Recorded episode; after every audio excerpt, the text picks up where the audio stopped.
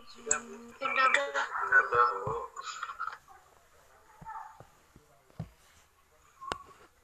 Ya, Bapak dan Ibu mungkin ada yang sudah familiar mengenai DNA rekombinan, eh, plasmid, atau vektor. Namun, mata khusus eh, bioteknologi dalam pemuliaan tanaman ini bagi pada baru pertama kali mendalami bioteknologi adalah antara memahami lebih lanjut pada saat nanti membaca skripsi. Ya, jadi eh, ada banyak istilah dasar bagi yang baru pertama kali, namun mungkin untuk yang familiar sudah sangat terbiasa. Ya, jadi hari ini kita akan mengenalkan DNA rekombinan eh, dan plasmid atau vektor. Mohon bagi Bapak dan Ibu jika tidak belum eh, ada pertanyaan, mic-nya dulu supaya kita bisa fokus. Terima kasih. Ya, jadi saya rasa kita semua pernah dengar yang namanya golden rice. Ya, jadi eh, atau yang ini minggu lalu saya tunjukkan adalah eh, bunga anyelir yang berwarna ungu. Walaupun tujuannya di sini adalah mau menghasilkan bunga anyelir yang berwarna biru begitu. Nah, jadi dalam eh, apa upaya menghasilkan golden rice yaitu padi yang bisa menghasilkan karoten itu melibatkan teknologi eh, transgenesis. Ya, hari ini kita tidak akan bicara mengenai transgenesis, namun bagian dari itu, ya jadi karena secara alami eh, padi tidak dapat menghasilkan enzim kunci yang diperlukan dalam lintasan sintesis beta karoten. Ada dua enzim kunci di sini. Yang pertama adalah fitoinsintase dan yang berikutnya adalah likopensiklase.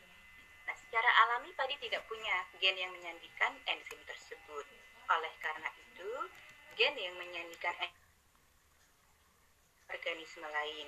Misalnya untuk fitoinsintase itu diambil dari bunga narcissus, sementara untuk leukopencyclase itu diambil dari bakteri Erwinia puridifora.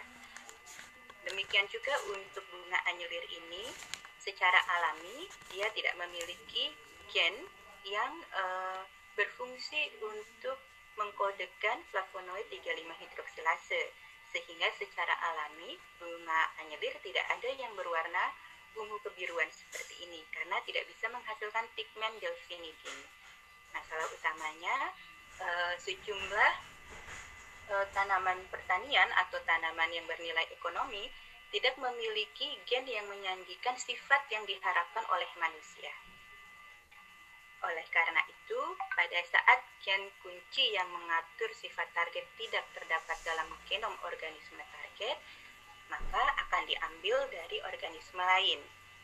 Karena pada prinsipnya, gen seperti sudah kita diskusikan minggu lalu, itu adalah susunan basa nukleotida. Baik di hewan maupun di prokariot dan di tanaman sama saja susunan dari basa ATGC. Jadi eh, untuk tujuan itu ada teknologi yang namanya DNA, DNA rekombinan, yaitu molekul DNA yang dibentuk dengan menggabungkan fragmen DNA dari sumber yang berbeda. Misalnya ini adalah sel tanaman atau boleh saja organisme lain eh, di mana di situ ada DNA genomnya, kemudian DNA atau RNA-nya diisolasi. Kalau RNA yang diisolasi berarti itu sudah e, melewati proses transkripsi. Kemudian setelah itu diamplifikasi gen targetnya, ya e, bisa dengan metodologi PCR atau misalnya kita mengetahui situs enzim restriksinya maka dipotong dari e, genom. Ya kalau RNA berarti diamplifikasi dengan PCR setelah di reverse transkripsikan. Itu nanti akan dibicarakan detail kalau kita membahas e, cloning gen. Namun sederhananya di sini ada DNA atau RNA diisolasi, diambil bagian gen yang kita perlukan saja. Kemudian dari bakteri ada e, komponen genetik yang bernama plasmid. Ya, kemudian plasmid ini diisolasi, dipotong dengan enzim restriksi dan kemudian kedua komponen ini digabungkan. Ya, jadi di sini ada gen target kita, kemudian ada plasmid, yang kemudian ini disebut dengan plasmid rekombinan. Nah, ini adalah teknologi awal yang memungkinkan kita melakukan transformasi. Jadi plasmid itu bermanfaat dalam aplikasi cloning gen dan transformasi genetik atau rekayasa genetika secara umum. Jadi plasmid itu apa? Bagi yang baru pertama kali uh, ketemu plasmid, plasmid itu adalah molekul sirkuler DNA. Jadi kalau minggu lalu kita diskusi mengenai uh, eh, DNA genom pada eukariota, dia bentuknya linier, artinya lurus, kemudian terkumpar dengan histon uh, dalam kromosom, kan begitu ya. Sementara kalau di prokaryotik uh, informasi genetik DNA-nya itu bentuknya sirkuler. Jadi bakteri itu memiliki yang pertama kromosomal DNA, ini kromosomal DNA dan plasmid. Jadi plasmid itu berbeda dengan kromosomal DNA pada bakteri. Jadi molekul sirkuler DNA yang berbeda dari kromosom bakteri dan dapat bereplikasi secara independen dari kromosom uh, dari DNA kromosom. Umumnya membawa sedikit gen yang berasosiasi dengan resistensi terhadap antibiotik. Kalau kita melihat sejarahnya, ini uh, sudah sangat lama berkembang ya. Jadi mulai dari tahun 1940-an diidentifikasi bahwa ada utas DNA dalam hal ini sirkuler yang berbeda dari kromosom yang ditemukan di bakteri. Kemudian pada tahun 1950-an mulai digunakan istilah plasmid ya oleh uh, Joshua Lederberg dengan definisi any extra chromosomal hereditary element. Jadi um, materi genetik yang selain kromosomal DNA. Nah, kemudian di 1960 sejumlah plasmid diidentifikasi dan di tahun 1970-an pemanfaatan plasmid dalam uh, kegiatan bioteknologi atau cloning gen itu sudah mulai dilakukan. Jadi kalau kita mendengar kata plasmid dan vektor dalam biologi molekuler itu kita sedang membicarakan benda yang sama. Plasmid sama dengan vektor. Jadi itu sudah sangat lama. Sekarang tahun 2020 kita bisa lihat perjalanan sejarahnya yang mulai tadi dari tahun 1940-an ketika mulai pertama kali diidentifikasi dan ini adalah perjalanan plasmid dalam uh, pemanfaatannya di bidang bioteknologi molekuler. Ya, jadi ada beberapa plasmid yang di awal dibuat seperti PBR 322 dan PUC ini sudah sangat terkenal dan sampai sekarang banyak sekali plasmid yang dibuat uh, untuk berbagai tujuan. Ya, jadi silahkan kalau Bapak Ibu ingin membaca sejarahnya, bagaimana perkembangan pemanfaatan plasmid bisa merujuk salah satunya pada pustaka berikut. Nah, plasmid itu dibuat untuk berbagai tujuan. Yang paling uh, utama, begitu ya, adalah dibuat untuk melakukan cloning ya cloning gen. Jadi kalau uh, untuk cloning gen disebutnya cloning vector. Setelah gen itu dikloning, kita ingin mengekspresikan gen itu di organisme target. Organisme targetnya bisa tanaman, bisa kapang, bisa bakteri, ya tentu kalau yang pada ilmu hewan, bisa pada hewan dan seterusnya. Maka ketika gen target ingin diekspresikan, artinya proteinnya atau sifatnya muncul pada organisme lain, yang digunakan adalah expression factor. Plasmid atau vektor juga bisa dimanfaatkan untuk menunjukkan proses atau lokasi eh, gen atau protein atau eh, komponen tertentu di dalam sel. Ya, jadi ini yang digunakan adalah reporter vektor atau pelapor.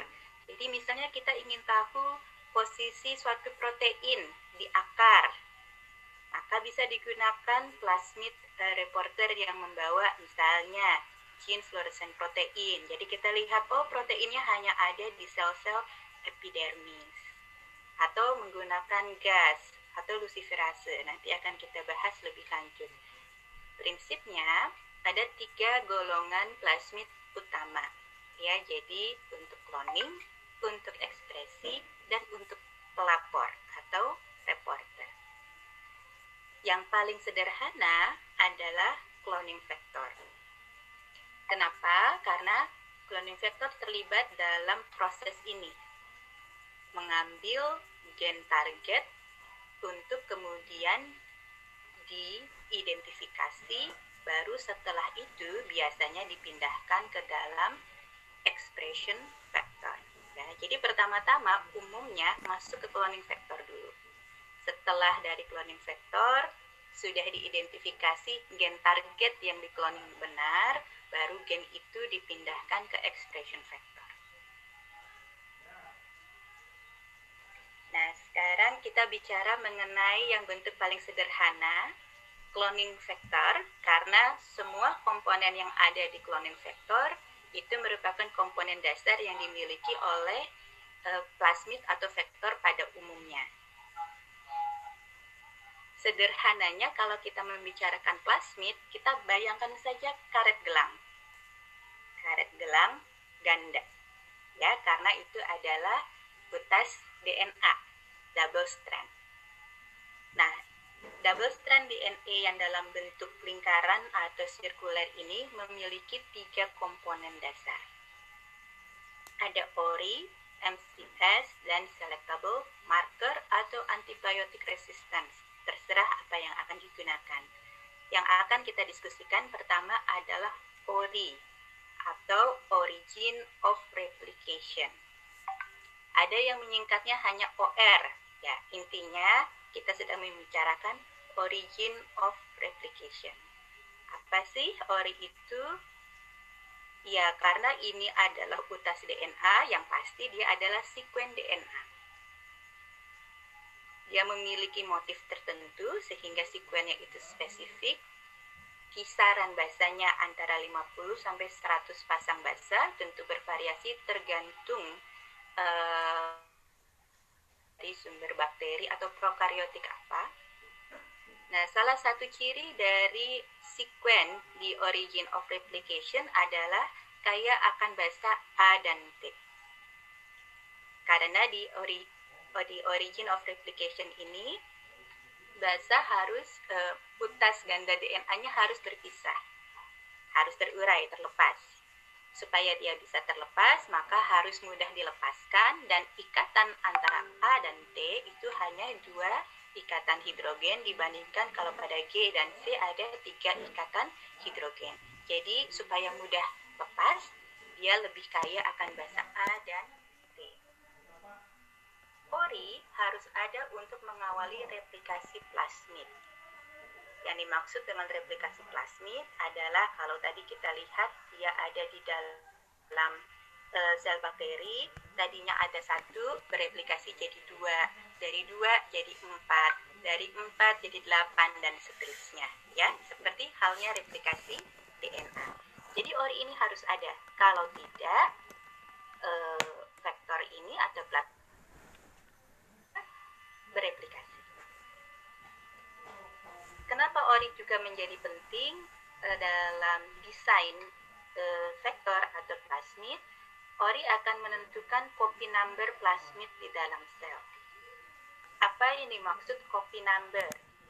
Ilustrasinya kembali ke sini. Nah, ini berarti ada sekian copy number nih. 1, 2, 3, 4, 5, 6, 7, 8, 9, 10, 11, 12, 13, 14, 15, 16, 17. Berarti ada 17 copy number plasmid di dalam sel ini. Ya, jadi kalau kita membicarakan copy number itu yang dibayangkan. Nah, ORI menentukan copy number atau jumlah plasmid di dalam sel. Juga menentukan kompatibilitasnya Eh, di dalam plasmid ya kalau kita akan melakukan co-transformation. Ini akan kita diskusikan satu-satu. Ini adalah contoh plasmid atau vektor yang umum digunakan di dalam aplikasi bioteknologi e, untuk cloning. Ya, jadi ada PUC, ada PBR 322 dan seterusnya. Kemudian di sini ada informasi copy number-nya. Jadi pada plasmid atau vektor PUC, copy number plasmidnya bisa mencapai 700 plasmid per sel. Sementara untuk PBR 322 hanya 15 sampai 20 plasmid per sel. Maka PUC masuk dalam kategori high copy number. Copy numbernya tinggi. Sementara PBR 322 itu masuk dalam kategori low copy number atau copy numbernya rendah. Nah, kemudian di kolom ketiga ini ada informasi ORI atau origin of replication. Jadi origin of replication itu dikategorikan ke dalam beberapa tipe berdasarkan sekuen DNA-nya. Jadi ada ORI, PMB. Itu berarti sekuennya sama. Di sini ada keterangan yang derivatif nanti diterangkan. Kemudian ini PBR 322 berarti ORI-nya sama dan seterusnya, sekuennya sama. Ya, kita akan bahas dua kolom terakhir berikutnya e, mengenai copy number. Kita lihat dua plasmid ini dulu, PUC dan PBR 322. Jadi huruf P kecil di depan itu artinya plasmid. Sehingga kalau Bapak dan Ibu melihat di dalam suatu publikasi ada informasi seperti ini, maka itu artinya plasmid cloning vector atau bisa juga expression vector atau reporter vector. Ada huruf P di depannya. Ya, ada banyak cara membaca ke belakangnya, tapi uh, ada juga artikel mengenai itu. Tapi sederhananya kalau untuk PUC ini adalah adalah University of California karena itu yang menemukan plasmid tersebut. Kemudian kalau PBR itu adalah berdasarkan nama penemunya. Saya lupa kalau nggak salah Bovin and Reddy atau siapa gitu ya. Jadi eh, ini adalah berdasarkan nama penemu. Nah, tapi intinya kedua plasmid ini sebetulnya memiliki sekuen ori yang sama. Sama-sama PMB. Pada PUC itu adalah PMB1 derivatif, artinya merupakan perubahan sedikit perubahan dari sekuen PMB1 yang ada di PBR 322. Dan sedikit perubahan itu mempengaruhi copy number-nya. Artinya mempengaruhi proses replikasi plasmid. Jadi setelah ini kita akan membahas mengenai bagaimana cara plasmid bereplikasi. Tadi mengganda. Ada beberapa e, mekanisme plasmid itu dapat bereplikasi ya meng menggunakan antisense RNA, menggunakan uh, regulator protein dan seterusnya. Jadi itu tergantung pada plasmid dan bakterinya. Nah, salah satu yang akan dibahas hari ini adalah kontrol replikasi oleh antisense RNA dengan membandingkan dua plasmid yang memiliki ori yang sama tapi dengan sedikit perbedaan dan itu mempengaruhi copy number yang artinya mempengaruhi replikasi atau laju replikasinya. Yang pertama ini adalah PBR 322 yang memiliki sekuen PMD1 yang asli pada origin of replication. Bagaimana inisiasi replikasi terjadi pada uh, plasmid PBR 322 di bagian orinya jadi kalau kita bayangkan ini adalah sequence origin of replication. Nah, kemudian ada sequence sebelum sequence ori ya. Jadi ada sequence sebelum sequence ori. Upstream artinya sebelum sepanjang sekitar 550 sampai 555 nukleotida. Nah, sekuen ini dapat ditranskripsikan menjadi RNA2. Ini ditranskripsikan menjadi RNA2. Kemudian RN, RNA2 ini akan dipisahkan dari template DNA plasmid oleh RNA CH. Karena dia dipisahkan, dia kemudian menjadi molekul RNA bebas yang berfungsi sebagai primer bagi DNA polimerase untuk mengawali inisiasi replikasi. Ya, jadi pertama 550 basa sebelum ori itu sekuennya ditranskripsikan menjadi e, eh, RNA2. Kemudian RNA2 yang bertranskripsi ini dipisahkan utasnya dari template DNA-nya oleh RNA serta ketika dia sudah terpisah, dia bisa berfungsi sebagai uh, primer untuk mengawali inisiasi replikasi. Karena kemudian plasmid bereplikasi, jumlah plasmid meningkat. Pada saat jumlah plasmid meningkat, dibentuklah oleh plasmid ini antisense. Antisense itu berarti sekuen dengan arah yang berbeda ya jadi antisense-nya. Nah ini um, antisense-nya itu disebut dengan RNA 1 merupakan antisense dari RNA 2 tapi tidak sepanjang RNA 2 yang hampir mencapai 550 nukleotida. RNA 1 hanya sekitar 108 nukleotida. Ya, dia dibentuk nih antisense-nya yang berwarna merah. Kemudian eh, regulasi terjadi saat replikasi meningkat sehingga jumlah plasmid tinggi, transkripsi RNA1 meningkat. Kemudian terjadi kompleks RNA1, RNA2. Karena RNA1 merupakan antisense dari RNA2, maka terjadi base pairing, penempelan basa-basa yang komplementer, yang disebut dengan complementary base pairing.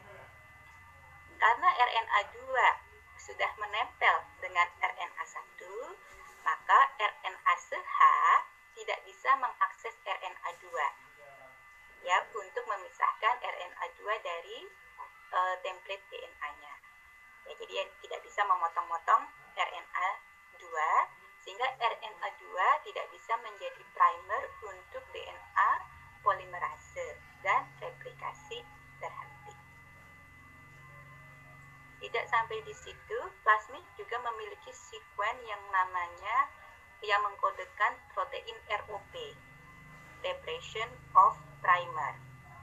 Jadi sekuen ini mengkodekan protein dengan ukuran 63 amino acid. Fungsi dari protein ROP ini adalah meningkatkan afinitas RNA1 terhadap RNA2. Jadi menstabilkan uh, kompleks RNA1 dan RNA2 yang kemudian akan menghentikan replikasi. Dengan cara ini, pada plasmid eh, PBR322, kopi numbernya itu bisa dibatasi maksimal 20 plasmid per sel. Karena begitu sudah mulai tinggi, diaktifkanlah RNA1 dan ROP yang kemudian menghentikan penggandaan plasmid lebih lanjut. Sampai sini jika saya terlalu cepat dan ada yang harus diulang, silahkan di, di um, intervensi. Apakah jelas? Jelas. Baik, terima kasih. Ya, jadi ini kontrol di PBR 322 yang orinya disebut PMB 1. Nah, sekarang kita lihat pada PUC Orinya juga PMB1 dengan sedikit perbedaan.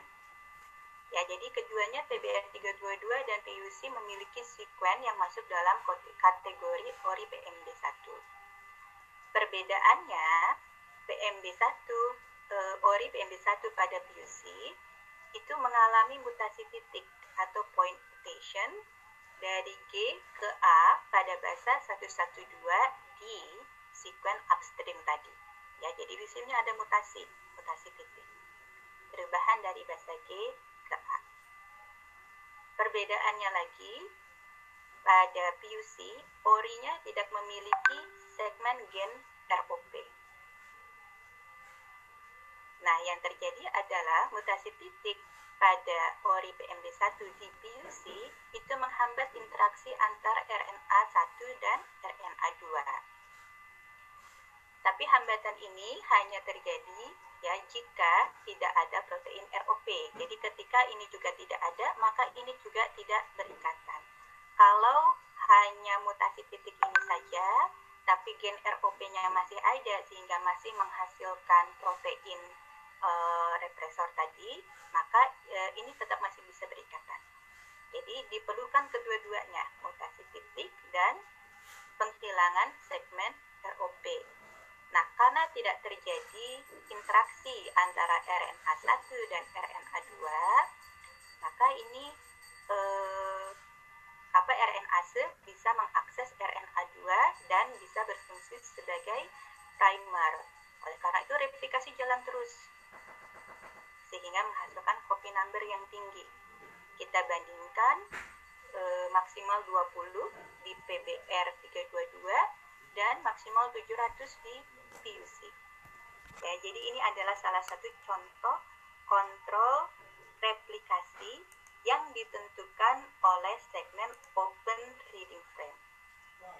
Jadi ORI walaupun pendek itu menentukan berapa banyak plasmid bisa berada di dalam satu sel bakteri.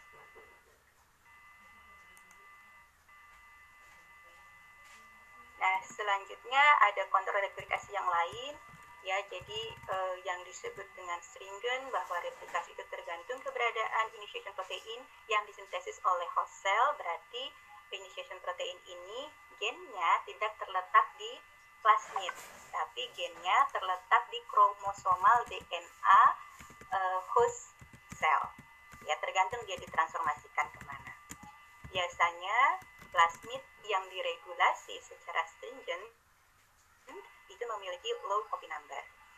Jadi kalau kita bisa lihat itu ada di kolom ini ya kontrol. Ada relax, ada stringent. Ya, jadi untuk yang stringent dia memiliki kontrol replikasi yang diatur oleh host cell-nya. Jadi kalau kita bayangkan ini tadi adalah um, plasmid, maka pada bagian pori yang banyak A dan T-nya dia berpisah begitu ya. Kemudian mulai dilakukan replikasi. Ya jadi daughter cells itu dari satu menjadi dua nanti dari dua menjadi uh, empat dan seterusnya untuk yang relax plasmid dapat melakukan replikasi tanpa tergantung uh, dengan initiation protein yang disintesis oleh host cell. Ya jadi dia yang penting tadi bereplikasi aja sendiri. Ya jadi untuk yang relax biasanya memiliki uh, high copy number. Ya walaupun itu juga tadi tergantung pada um, sequence di orinya ya jadi ada juga yang relax tapi low copy number tapi yang sudah pasti kalau yang stringent itu umumnya low copy number ya jadi untuk kontrol replikasi plasmid salah satu referensi yang dapat Bapak Ibu rujuk adalah uh, publikasi berikut yang saya introduce di sini salah satu mekanisme saja. Nah, jadi itu tadi mengenai uh, copy number. Nah, di sini saya uh, ingin menjelaskan mengenai inkompatibilitas. Ya, jadi ada inkompatibilitas yang dimaksud apa? Jadi kita uh, bisa memasukkan lebih dari satu plasmid, lebih dari satu jenis plasmid ke dalam satu sel bakteri. Ya, jadi misalnya seperti ini, di dalam satu sel bakteri itu ada dua jenis plasmid yang berbeda. Jadi kalau e, plas, apa satu sel bakteri dengan satu plasmid misalnya sederhananya ya, kemudian plasmid ini akan bereplikasi menjadi dua sebelum dia membelah. Ya, kemudian dia membelah masing-masing uh, daughter cell-nya akan membawa plasmid yang sama. Dalam kasus di dalam satu sel ada dua plasmid yang berbeda dan kedua plasmid itu incompatible. Apa yang dimaksud dengan incompatible? Kedua plasmid ini memiliki sistem ori yang sama. Ya, jadi misalnya sama-sama orinya adalah PMB1. Nah, kemudian mereka ada di dalam satu sel. Maka sel itu akan bingung mengenali ori yang mana. Sehingga sebelum sel itu membelah, mereka tidak direplikasikan. Jadi masing-masing tetap satu. Kemudian ketika sel membelah, plasmid ini akan terpisah pada sel yang berbeda. Jadi satu sel membawa plasmid yang hijau, satu sel lain membawa plasmid yang merah. Nah, tentu kalau kita melakukan uh, transformasi uh, di dalam satu sel ada dua atau lebih plasmid, tentu kita ingin setiap sel selalu membawa kopi dari kedua plasmid tersebut. Tapi kalau dia incompatible, yang terjadi adalah seperti ini. Oleh karena itu, kalau kita akan melakukan co-transformation, harus memperhatikan ori dari plasmid yang akan digunakan. Paling sederhananya, kalau sekarang dari setiap manufacturer itu sudah ada pedoman incompatibility group. Jadi misalnya kita tidak bisa mentransformasi satu sel dengan plasmid yang berada dalam grup yang sama. Jadi satu sel ini tidak bisa ditransfer dengan plasmid TUC dan plasmid TBR322 misalnya karena dalam grup yang sama. Demikian juga yang C dengan yang C tidak bisa ditransformasikan bersama-sama ke dalam satu sel. Karena hari ini kita tidak mendiskusikan mengenai transformasi, eh, jika Bapak dan Ibu penasaran apa gunanya mentransformasikan satu sel dengan dua atau lebih plasmid yang berbeda, silahkan eh, membaca rujukan ini ya jadi saya mengenalkan dulu mengenai plasmid nanti mengenai transformasi akan ada pendalaman di bab-bab selanjutnya ya jadi ori penting dalam dua hal. Satu mengenai copy number. Dua mengenai inkompatibilitas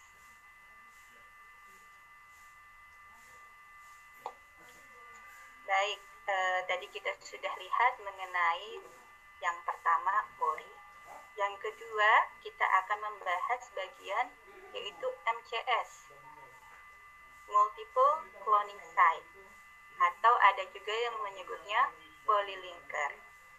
Apa ini merupakan sequence atau area di mana target gen dapat disisipkan. Biasanya memiliki banyak situs enzim restriksi, ya. Jadi seperti ilustrasi tadi di awal, ini adalah plasmid sirkuler ya sebelum uh, gen target bisa dimasukkan dia harus dipotong dulu menjadi linear. Nah pada uh, cloning vector itu adanya di bagian yang disebut dengan multiple cloning site. Jadi memiliki banyak situs enzim restriksi atau yang dikenal dengan restriction endonuklease ya umumnya menggunakan enzim tipe 2. Jadi enzim itu kalau tidak salah tipenya ada 1 sampai 4. Tapi tipe 2 ini adalah enzim yang memotong pada situs enzim restriksi. Jadi uh, enzim restriksi itu secara alami disintesis oleh bakteri. Kemudian enzim ini akan mengenali situs restriksi atau restriction site, kadang disebut juga recognition site, yang panjangnya antara 4 sampai 8 basa nukleotida dan bisa memotongnya. Ya, jadi tadi menjadi sirkuler. Reaksi pemotongan ini memerlukan kondisi optimum yaitu terjadinya pada suhu tertentu dan e, misalnya pH dan e, keberadaan ion-ion tertentu yang terkandung di dalam suatu buffer. Potongannya akan menghasilkan ujung yang sticky end. Sticky end itu seperti ini atau yang blunt end, yang lurus. Nah, jadi eh, di multiple cloning site itu ada banyak situs enzim restriksi yang gunanya bisa dipotong dan membuat yang sirkuler tadi menjadi linear. Ini contoh-contoh enzim restriksi yang terkenal. BAMH1, EcoR1, HIN3 itu sering dipakai, SMA1 ya uh, satu-satunya enzim restriksi yang saya hafal sekuennya itu SMAWAN, soalnya gampang, CCC, GGG, yang lainnya harus lihat katalog.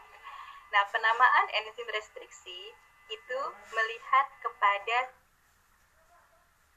di mana dia diisolasi pada awalnya. Misalnya, ALU1 itu dari Arthrobacter luteus, ya. BAM-H1 dari Bacillus amyloliquefacien itu dari BAM uh, BAM H-nya. Nah kemudian huruf Romawi di belakangnya ini ada satu, ada tiga, Eko R itu juga ada Eko R5 begitu ya. Itu menunjukkan urutan keberapa enzim itu diisolasi dari organisme yang sama. Ya, jadi angka Romawi di belakang tingkatan menunjukkan urutan ditemukannya enzim tersebut dari suatu strain bakteri. Nah, ini adalah sekuen restriksi atau uh, recognition, site-nya. Jadi misalnya kalau aluan recognition site-nya itu dia hanya empat bahasa. AG, GT. Kemudian dia memotong di tanda panah ini. Karena dia pas memotong di tengah-tengah, produk akhirnya adalah blunt end. Sama seperti semawan. Untuk yang sticky end, misalnya yang H1 ini adalah situs pemotongannya. Eco R1 di sini yaitu hasilnya sticky. Ada beberapa enzim yang cukup unik ya, jadi dia tidak memotong di situs restriksinya. Tapi dia memotong beberapa basa setelah uh, situs tersebut ditemukan. Misalnya pada HGA1 HGA1 ini dia ada tulisannya GACGC plus 5 tanda uh, tanda panah turun artinya 5 basa dari GACGC ini baru pemotongan itu terjadi. Pada kasus HPA1, 8 basa dari sekuen GGTGA baru terjadi pemotongan. Ya, jadi ini adalah uh, situs enzim restriksi yang kemudian bisa dikenali oleh enzim restriksi dan dipotong. Ini contoh gambaran plasmid e, peta plasmid kalau lihat di informasi manufacture. Jadi ada sekuen orinya, kemudian ada e, MCS.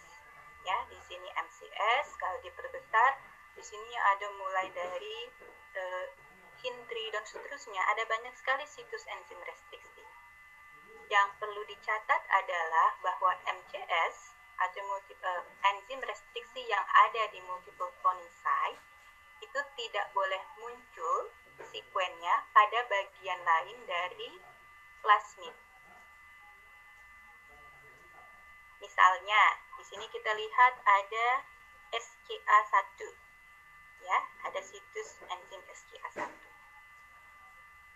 kalau di sini juga ada enzim SCA1 dan kemudian kita pilih untuk memotong MCS supaya dia jadi linear maka di sini juga akan terjadi pemotongan sehingga plasmid ini akan terbagi menjadi dua bagian dan sudah tidak berguna untuk uh, cloning atau untuk transformasi dan seterusnya.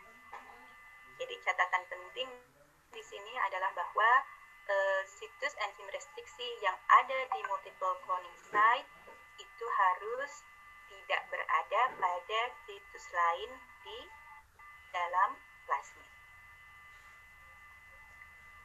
Proses untuk cloning selanjutnya biasanya setelah ini dipotong dengan enzim tertentu, ya bisa menggunakan satu enzim, bisa menggunakan dua enzim, tergantung tujuannya.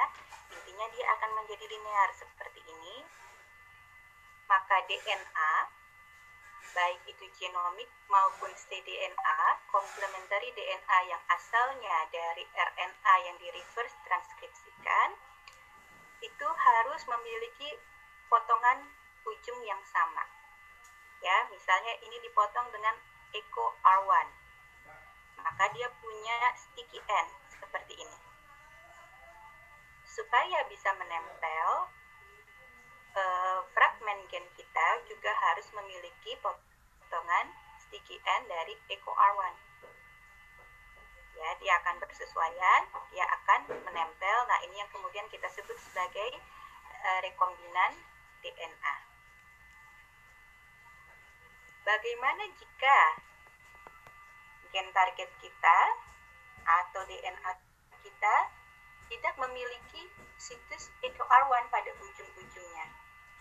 Nah, teknik-teknik seperti ini akan dibahas pada mata kuliah teknik laboratorium dalam bioteknologi. Nah, jadi apa yang harus dilakukan? Apakah dengan menggunakan adapter uh, eh, PCR atau kalau begitu kita pakai saja TA vektor dan seterusnya ya.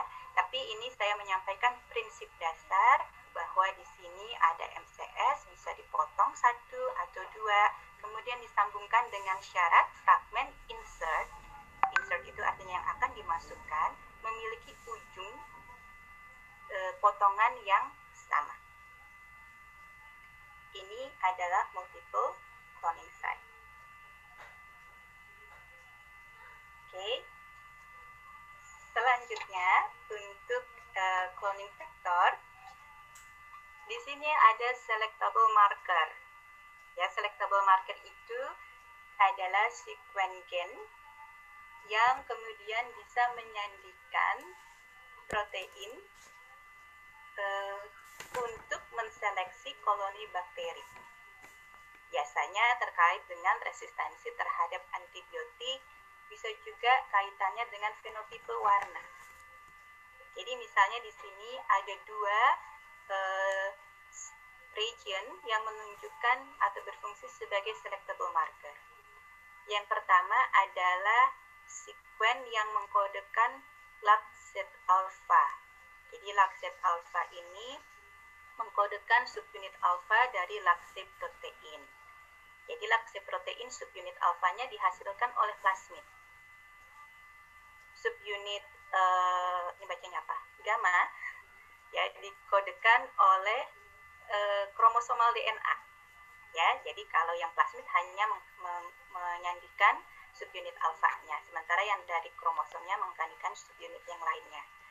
Yang kalau kedua subunit ini bergabung akan menghasilkan enzim beta galaktosidase. Yang kalau e, apa kita lihat fenotipenya bakterinya akan berwarna biru saat dikulturkan pada media yang mengandung uh, galaktos yang disebut dengan X-gal ya galactose sugar. Nah, state alpha ini sekuennya disisipi oleh MCS atau multiple cloning site dengan tidak merubah uh, frame. Tidak merubah frame itu artinya tidak merubah susunan kodon jadi walaupun di sini kemudian ditambahi sejumlah siklus uh, enzim restriksi, kalau tidak dipotong dan tidak disisipi apa alfa akan menghasilkan subunit alfanya.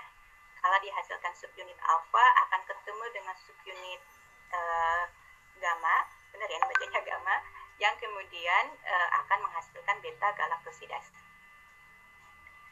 Tapi pada saat kita menyisipkan insert di sini, menyisipkan gen target setelah tadi kita potong dan diluruskan, e, ditempel dengan sistem ligasi, maka di sini kodonnya akan berubah. Terjadi frame shifting. Karena dia berubah kodonnya, maka laksit alfanya tidak akan terbentuk. Ya, kalau tidak terbentuk, maka si 5 bromo 4 kloroindol itu tidak terhasilkan. Jadi biasanya fenotipenya adalah seperti ini.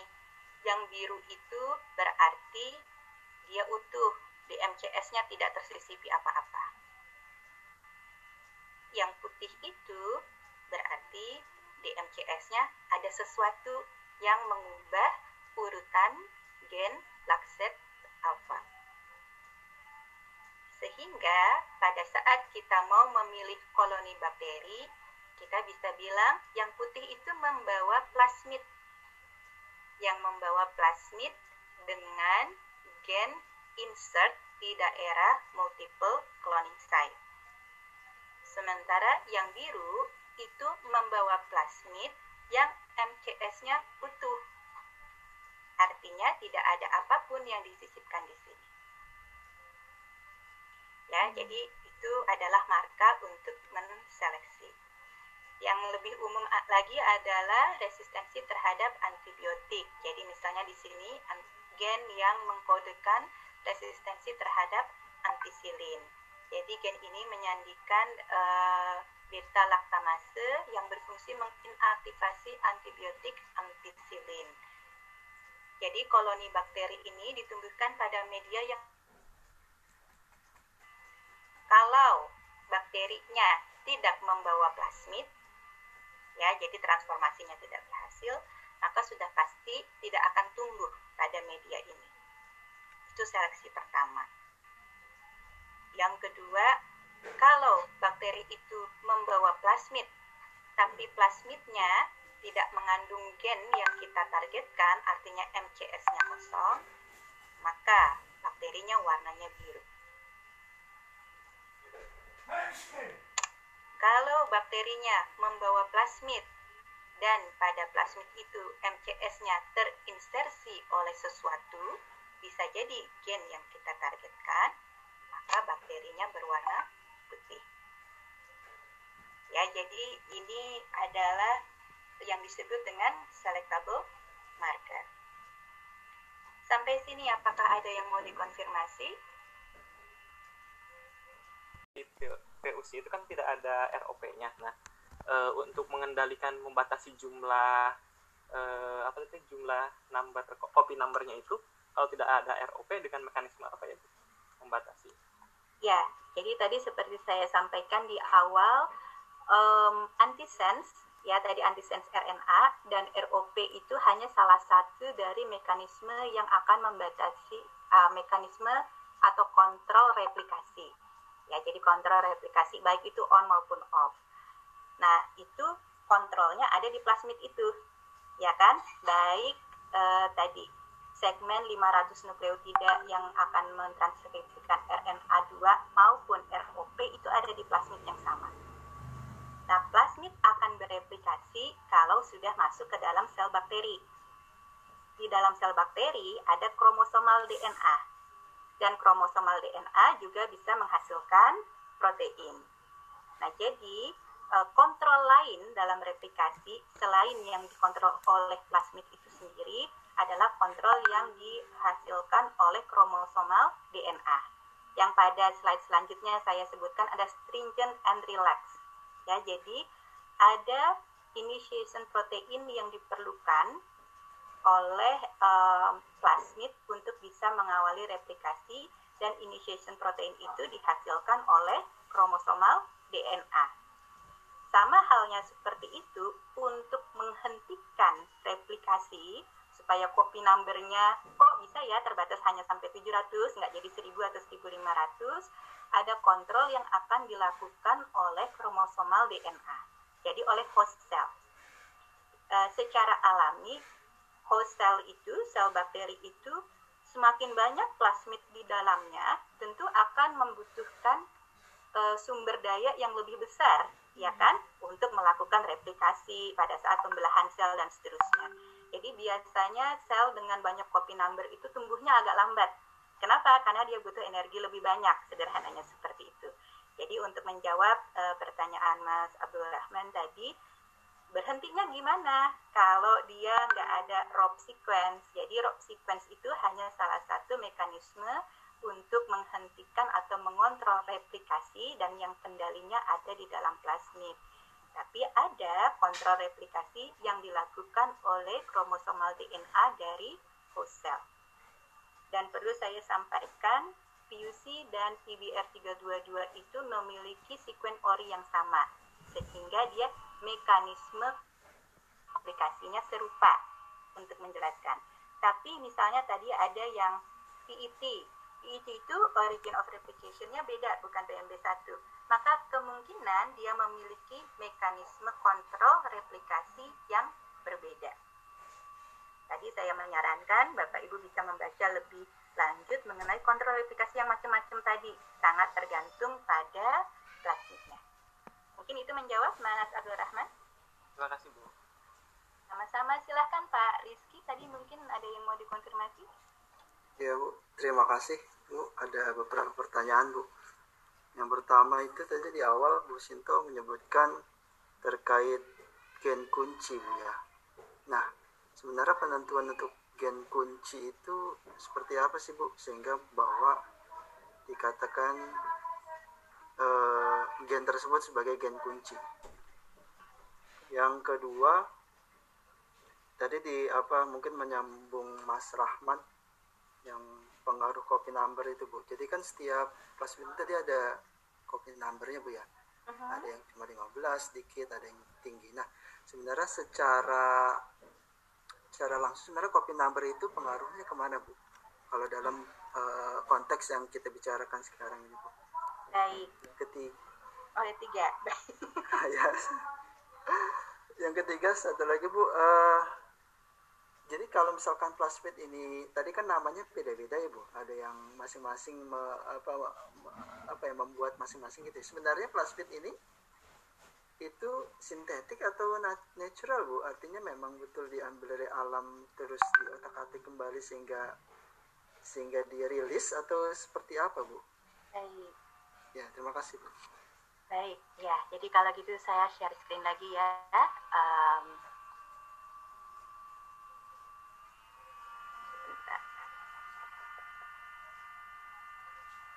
Ya, jadi yang pertama mengenai topik hari ini kita tidak akan membahas itu, tapi sekilas saja eh, yang dimaksud dengan gen kunci itu kalau produk yang dikodekan oleh gen itu tidak ada, eh gimana? Kalau gen yang untuk mengkodekan produk itu tidak ada, maka Sederhananya, ini adalah lintasan. Lintasan sintesis beta karoten. Nah, untuk bisa menghasilkan beta karoten, jalannya kan panjang.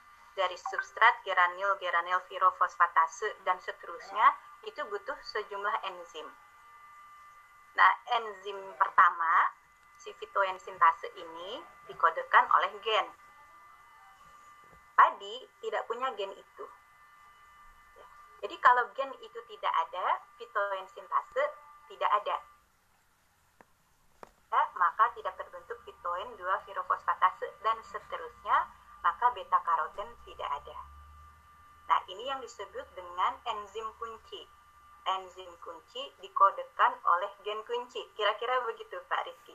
Jadi bisa tahu gen kuncinya apa adalah dari studi lintasan seperti ini, pathway. Sifat juga demikian sifat ditentukan oleh banyak faktor. Nah, apakah ada faktor utama yang menentukan sifat tersebut? Nah, faktor itu dikodekan oleh gen apa? Nah, itu kemudian disebut dengan gen kunci. Banyak sekali metode untuk menentukan gen kunci. Ya, salah satunya itu kalau dengan cara komputasi bisa dengan in silico analysis. Ini uh, Pak Riza yang sangat ahli di bidang itu ya. Jadi kita membandingkan genom, kemudian seterusnya kita lihat eh, protein-protein uh, apa yang sudah dilaporkan berperan dalam suatu uh, apa sifat atau produksi enzim atau protein tertentu. Kemudian kita menduga apakah gen itu memang merupakan gen utama yang mengontrol suatu sifat. Ada yang disebut juga gene fishing dan seterusnya ya. Tapi itu bukan bahasan pada hari ini jadi yang dimaksud dengan gen kunci adalah seperti itu Pak Rizky. Mungkin dikonfirmasi dulu apakah bisa diterima eh, penjelasan saya? Iya Bu, uh, saya masih berpikir bahwa kalau pathway itu kan banyak lintasan Bu ya. Betul. Artinya, artinya di setiap lintasan itu kalaupun tidak ada mungkin juga selanjutnya tidak tidak terjadi Bu. Apakah memang setiap lintasan itu tidak disebut sebagai gen kunci juga Bu?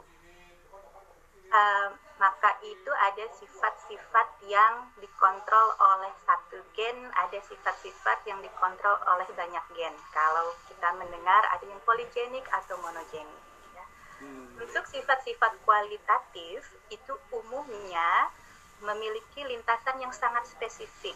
Misalnya tadi pembentukan beta karoten atau warna bunga ya. Jadi untuk menghasilkan delfinidin dia tidak punya lintasan alternatif.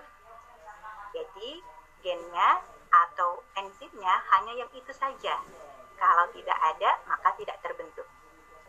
Tentu saja pada metabolisme ada banyak lintasan alternatif. Nah, kalau pada lintasan alternatif itu untuk menentukan gen apa yang harus dirubah supaya produk akhirnya sesuai dengan harapan kita menjadi lebih menantang. Jadi nanti kalau Bapak ingin mempelajari mengenai, mengenai lintasan, bisa lebih lanjut mungkin pada mata kuliah omics. Cuman uh, yang disebut gen kunci itu adalah gen yang mengkodekan suatu protein atau enzim yang kemudian menentukan produk akhir. Karena kalau dia tidak ada, produknya tidak terbentuk. Baik, baik. Terima kasih. Nah, kemudian untuk copy number. Apa sih gunanya kita mendiskusikan copy number? Ya, jadi um, lebih baik yang mana? Copy number sedikit atau banyak? Dalam kasus itu tergantung tujuannya. Ya, apakah kita tujuannya sedang mengcloning gen atau kita akan mengekspresikan uh, gen itu hingga menghasilkan protein tertentu di dalam organisme target. Kalau kita sedang melakukan cloning gen, saya pribadi uh, lebih prefer copy numbernya banyak. Kenapa? Karena kalau copy numbernya banyak, berarti DNA, segmen DNA yang kita titipkan di dalam plasmid itu semakin banyak. Jadi nanti kalau kita ekstrak, dia kemudian ada konsentrasi DNA-nya tinggi. Itu memudahkan untuk tahapan selanjutnya, apakah mau di sequencing atau bisa cloning ke expression factor.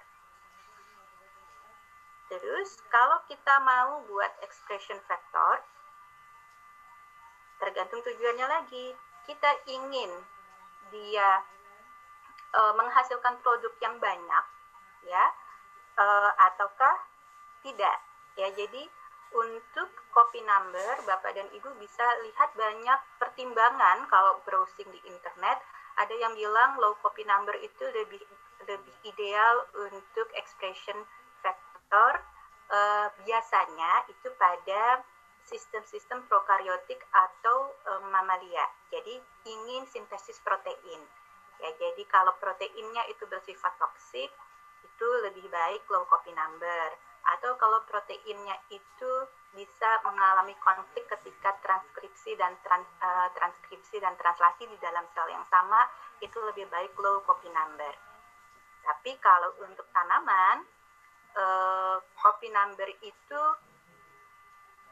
pada saat kultur akan menentukan berapa banyak plasmid yang akan kita uh, miliki pada saat dia diekspresikan di, di organisme target itu akan tergantung pada promoter apa yang digunakan dan di mana dia tersisipkan.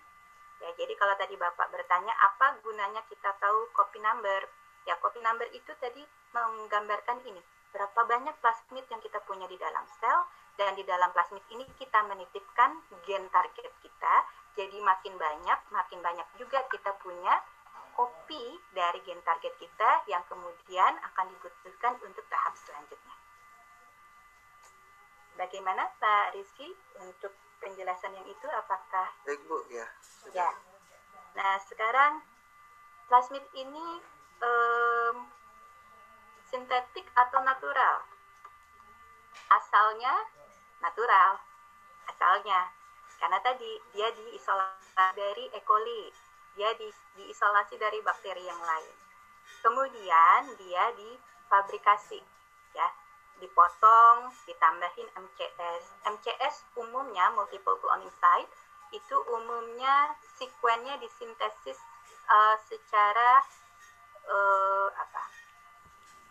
Dibuat secara sintetik, ya, dibuat secara sintetik. Jadi basa-basa nukleotida yang mengkodekan hintri dan seterusnya itu bisa dibuat secara sintetik dengan teknologi sekarang. Hmm, bisa sampai 100 eh, sampai 200 pasang basa itu bisa dilakukan uh, polinukleotidanya, kemudian disisipkan di sini, ditempel dengan cara ligasi. Ya, jadi untuk yang sudah tersedia sekarang di manufacture itu sifatnya sudah sintetik. Dari bakteri. Itu yang menentukan asalnya dari bakteri apa tadi orinya. Jadi dia bisa ada di sistem apa dan seterusnya. Mungkin seperti itu ya Rizky ya? Ibu, terima kasih banyak Bu. ya saya ingin mengajak Bapak dan Ibu mampir sebentar ke suatu situs kalau ingin elaborasi lebih lanjut. Um, di mana dia? Kok belum tayang sebentar ya bisa yeast atau kapang, bisa bakteri lagi, bisa hewan, bisa tanaman. Karena kita dalam kelompok tanaman, maka saya akan mengintroduksikan plant expression factor, ya plasmid untuk ekspresi pada tanaman. Pada umumnya, basisnya adalah TI factor. TI untuk tumor inducing. Asalnya plasmid ini adalah dari bakteri Agrobacterium tumefaciens. Jadi sekilas cerita ya e, nanti detailnya ada di bagian rekayasa genetika. Bakteri gram negatif ini awalnya diidentifikasi karena dia menyebabkan penyakit kronikal ya. Jadi sel-sel tanaman berproliferasi membelah diri begitu cepatnya sehingga menyebabkan kanker seperti ini tumor ketika diidentifikasi kemudian diketahui bahwa ada infeksi bakteri dan bakteri ini memiliki plasmid eh, yang bisa memindahkan materi genetiknya ke genom tanaman.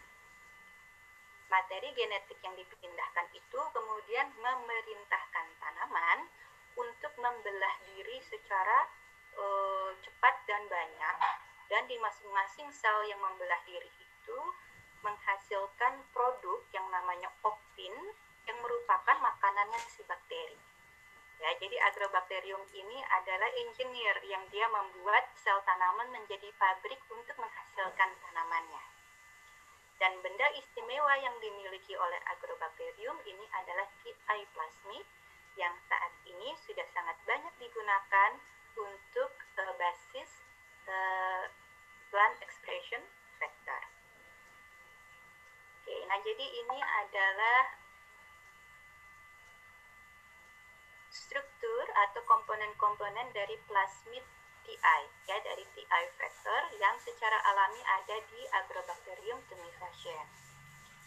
Bagian-bagian utamanya, dia punya yang namanya tDNA region DNA region dibatasi oleh left border dan right border.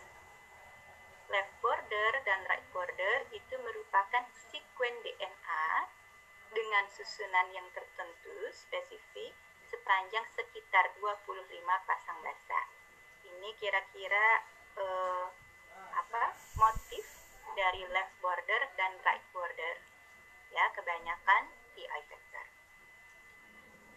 di tengah-tengah left border dan right border itu yang disebut dengan cDNA region. Di sini ada bagian oncogenes. Oncogenes itu adalah gen-gen penyebab tumor. Yang pertama, gen yang terlibat dalam sintesis auksin. Dan yang kedua, gen yang terlibat dalam sintesis sitokinin.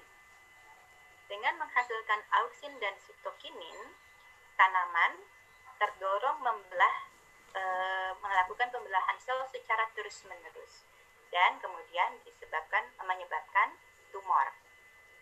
Ya, disebut maka disebut di situ oncogen. Kemudian di sini ada juga gen yang akan mengkodekan e, sintesis opin. Opin ini adalah karbon ya atau gula yang kemudian merupakan makanannya agrobacterium. Jadi ini adalah isinya tDNA region. Kemudian eh, TI vector juga memiliki yang namanya vir genes atau virulence genes. Ada banyak gen virulence-nya di sini yang memiliki uh, fungsi mulai dari persepsi sinyal. Jadi pertama tanamannya itu terluka dulu Nah, kalau dia terluka, kemudian dia menghasilkan senyawa yang akan dikenali oleh agrobakterium bahwa dia bisa menginfeksi. Itu peranannya vir A. Ya, kemudian e, seterusnya ada vir D dan e, yang akan berperan dalam pemotongan tDNA supaya tDNA itu bisa terpisah dari plasmid dan terintegrasi ke dalam genom tanaman. Dia juga punya ORI, origin of replication, tentunya supaya plasmidnya tadi bisa bereplikasi. Kemudian dia punya segmen gen opin katabolism ya untuk mengkatabolismekan opin yang sudah disintesis. Nah, ini aslinya. Sekarang saya akan masuk ke dalam bagaimana supaya TI factor ini bisa direkayasa sehingga kemudian digunakan sebagai plant expression factor. Sederhananya, ini ada hmm, bagian-bagian hmm, yang esensial. Ya. Bagian yang esensial adalah bahwa cara e, dari Agrobacterium tumefaciens menginfeksi tanaman adalah memindahkan segmen dari tDNA ini dari plasmidnya ke genom tanaman. Supaya bisa pindah dari plasmid ke genom tanaman, dia harus dipotong. Dipotongnya adalah pada left dan right border. Oleh siapa? Oleh Virdi, suatu endonuklease. Jadi VIRD1 ya, dia merupakan site specific helicase Pertama dia memisahkan utas ganda DNA pada left border dan. Kemudian VRD2 merupakan nuklease, dia memotong bottom strand. Jadi kalau kita lihat ada dua utas di luar dan di dalam. Yang dipotong oleh VRD adalah bottom strand cDNA dipotong pada left border dan right border. Ya, kemudian dia akan membentuk kompleks di strand itu berarti tinggal single strand akan membentuk kompleks dengan virde. Ujung tiga pada right border itu akan berfungsi sebagai priming site untuk regenerasi tDNA supaya dia balik ada lagi karena tadi tDNA yang satu sudah dilepas. Kemudian ada vir, vir C1 ya akan menempel pada sequence overdrive dia akan meningkatkan jumlah tDNA yang akan lepas dari plasmid untuk pindah ke dalam genom tanaman. Jadi yang menentukan proses transfer DNA bersama uh, bersama dengan virgens lainnya itu adalah right border. Nah, dari mekanisme sederhana ini yang selengkapnya untuk bahasan transformasi genetik silahkan Bapak dan Ibu membaca salah satu rujukan ini uh, tadi menentukan bagian-bagian esensial yang perlu ada di, di dalam plasmid TI untuk bisa memindahkan region ini ke genom tanaman. Kendalanya TI plasmid atau TI vector ini ukurannya besar, 200 kilo pasang basa. Dibandingkan tadi kita lihat PUC hanya sekitar 2000, berarti itu 2 kilo vektor. Sehingga kalau plasmidnya ukurannya besar, dia sulit untuk di-maintain di dalam sel bakteri. Copy numbernya pun rendah. Ya, jadi jumlah plasmidnya di dalam sel bakteri rendah. Sulit dimanipulasi, ya, karena tDNA regionnya itu jarang memiliki situs enzim restriksi. Jadi kalau mau kita potong di sini, mau disisipkan gen lain susah karena situs enzim restriksinya eh, sangat sedikit dan plasmid ini tidak bereplikasi di dalam E. coli. Kenapa? Karena origin of replication-nya spesifik untuk agrobacterium. Jadi, setiap plasmid memiliki uri yang sangat spesifik. Nah, supaya bisa dimanfaatkan, kemudian dikembangkan yang namanya binary factor. Jadi, binary factor itu kita lihat ini tadi uh, eh, TI plasmid asli. Ya, TI plasmid asli dia punya open reading frame, dia punya virulence gene, dia punya uh, open catabolism, dan yang paling penting dia punya tDNA yang dibatasi oleh left border dan right border, cyanin uh, production, uh, production, dan open synthesis. Modifikasi kemudian dilakukan karena kita tidak perlu plasmid ini menghasilkan auksin dan sitokinin karena kalau dia menghasilkan auksin dan sitokinin maka tadi menyebabkan tumor pada tanaman. kemudian dimodifikasilah bagian TDNA. Disebutnya disarm. Jadi dilucuti persenjataannya, disarm. Apa persenjata persenjataannya TDNA yang dimaksud adalah uh, sekuen untuk sintesis anthocyanin, sitokinin, dan mupin. Bagian ini diganti dengan segmen DNA eksogen. Segmen DNA eksogennya yaitu selection marker genes dengan promoternya dan terminatornya dan gene of interest gen kita yang mau dimasukkan. Jadi di sini diganti dengan MCF dengan promoter dan terminator. Kemudian open catabolism dihilangkan. Ya, jadi bagian sekuen ini hilang, berarti di sini ukurannya sudah sedikit lebih kecil. Tapi co-integrated plasmid ini ukurannya masih cukup besar untuk dihandle ya jadi disarm DNA ini juga masih cukup besar oleh karena itu dibuatlah dibagi dua. Karena virgin tadi penting untuk mentransfer eh, tDNA dari plasmid ke genom tanaman dia harus ada. Ya jadi dibuatlah yang namanya helper TI plasmid yang di bagian tDNA-nya dihilangkan dia hanya membawa genes dengan open reading view. Dan kemudian dibuat binary factor. Isinya binary factor ini hanya select border ya, kemudian eh, tadi selectable select apa selectable marker genes ya, kemudian gene of interest. Selectable marker genes-nya itu ada yang untuk ekspresi di tanaman dan ada yang untuk ekspresi di bakteri agrobacterium. Dibatasi oleh left dan right border. Supaya bisa dimultiplikasi dengan mudah, maka ditambahi open reading frame untuk E. coli. Jadi, binary factor ini bisa bereplikasi di dalam sel E. coli. Jadi dia bisa digunakan untuk cloning factor di awal. Kemudian dimasukkan gene of interest, diperbanyak di dalam sel E. coli, ya. Kemudian nanti setelah itu dia ditransformasikan ke eh, agrobacterium, maka dia akan bereplikasi di agrobacterium menggunakan open reading frame dari agrobacterium. Nah, sel agrobacterium harus membawa kedua plasmid ini. Membawa kedua plasmid ini e, kemudian digunakan untuk mentransformasi tanaman, ya. Jadi ini adalah sistem kalau transformasinya adalah agrobacterium mediated. Ya, transformasi itu kan ada banyak cara. Ada yang particle bombardment, ya, ada yang agrobacterium mediated.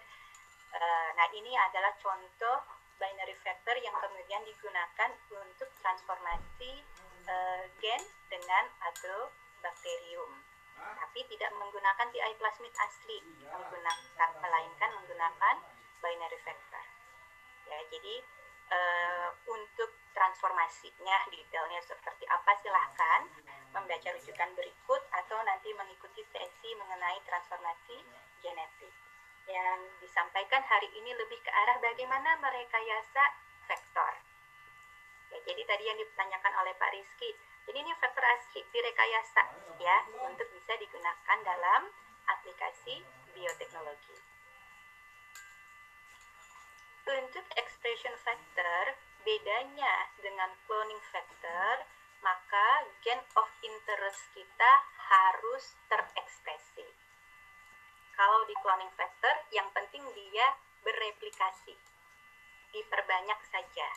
Tapi untuk expression factor maka dia harus terekspresi karena harus terekspresi maka dia harus diawali dengan promoter dan diakhiri dengan terminator promoter di sini yang dimaksud adalah core promoternya saja jadi tidak termasuk di apa proximal dan di ini hanya core promoter. Kalau Bapak dan Ibu membaca ada yang disebut dengan kaset, ya. Jadi kaset itu adalah urutan promoter, transgen, terminator. Ini gene of interest, gen target kita. Jadi satu plasmid itu bisa berisi beberapa kaset. Konsekuensinya, semakin banyak kaset, semakin besar ukuran plasmid. Semakin besar ukuran plasmid, semakin sulit untuk dihandle. Artinya sulit untuk dikulturkan, sulit untuk ditransformasikan. Jadi itu salah satu pertimbangan. Nah ini dengan uh, kaset, ini contoh ya, ini yang dulu pernah saya buat. Plasmid dasarnya adalah PBI 1 to 1. Ini adalah binary plasmid untuk ekspresi pada Arabidopsis thaliana menggunakan sistem transformasi Agrobacterium tumefaciens. Jadi aslinya plasmidnya itu sudah memiliki komponen right border dan left border, kemudian nose promoter dan terminator yang mengapit sifat kanamycin resistant, resistensi terhadap antibiotik kanamycin yang dikodekan oleh gen NPT2, sudah membawa promoter CAMV 35S Eh, dan nose terminator. Nah, di sini aslinya adalah MCS, multiple cloning site. Pada multiple cloning site itu, saya potong satu sisi dengan enzim SMA1, di sisi lain dengan enzim SAC1, kemudian gen of interest, waktu itu gennya adalah PUT HKT21 atau OSHKT1, PUT itu dari Puccineria, OS itu dari padi, disisipkan pada bagian ini. Nah, ini berarti dia punya two kaset. Satu untuk um, apa selectable marker, yang satu adalah gene of interest. Gene of interest ini harus diawali oleh promoter dan terminator. Promoternya apa? Promoter yang dapat digunakan macam-macam yang paling terkenal CAMV35S itu cauliflower mosaic virus. Sifatnya konstitutif, artinya gen yang didrive oleh ekspresi pada kondisi apa pun pada jaringan mana pun. Ya, jadi yang sifatnya konstitutif seperti itu. Sementara gen yang didrive oleh uh, promoter yang bersifat spesifik, misalnya ini kalau promoternya adalah SRK, maka gen tersebut hanya akan terekspresi di bagian polen dan stigma. Di daun tidak, di akar tidak, dan seterusnya. Atau yang um, bersifat stress inducible. Jadi gen ini hanya akan terekspresi kalau ada stres tertentu. Dan ada juga yang namanya RD29A. Jadi itu kalau tanaman terekspos pada cekaman kekeringan misalnya, baru gen ini terekspresi. Ya, jadi promoter itu kita tentukan berdasarkan tujuannya ingin apa. Nah, ini adalah konstruksi uh, vektor ekspresi. Kalau kita ingin mengubah atau menggunakan vektor sebagai reporter genes, maka dia harus membawa gen reporter. Gen reporter ini biasanya agak dibedakan dengan tadi resistance to antibiotik. Kalau resisten terhadap antibiotik itu lebih untuk seleksi. Seleksi tanaman yang membawa gen kita. Begitu ya, maka dia juga harus resisten terhadap uh, antibiotik yang disisipkan, misalnya kanamycin tadi. Tapi kalau gen reporter itu berarti tanaman ini akan uh, menampilkan fenotipe yang membuat kita bisa melacak sesuatu. Misalnya, ini untuk studi in vivo gene expression. Jadi bagaimana ekspresi gen kalau langsung di tanamannya? Biasanya kan kita isolasi RNA-nya, kita lakukan um, apa analisis dengan microarray atau kita buat cDNA kemudian kita lakukan real time PCR tapi itu tanamannya diisolasi dulu RNA-nya nah kita bisa melihat bagaimana suatu gen itu diekspresikan pada saat halamannya itu hidup. Ini contohnya adalah pada gen HAK itu uh, apa High Affinity Potassium Transporter HAK itu High Affinity Potassium. Jadi gen ini berfungsi untuk mengambil kalium di akar, ya. Nah kemudian uh, gen ini diambil promoternya saja. Jadi cara membacanya ini berarti promoter dari gen HAK yang digandingkan dengan gen reporter values.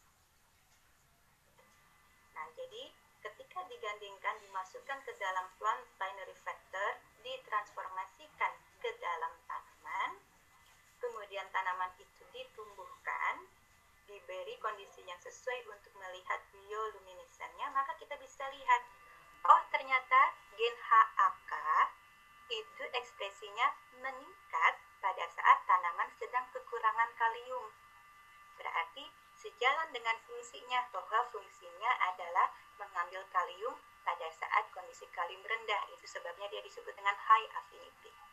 Ya, jadi memungkinkan untuk melihat melihat ekspresi gen secara in vivo langsung ketika tanamannya masih hidup dengan menggunakan gen reporter.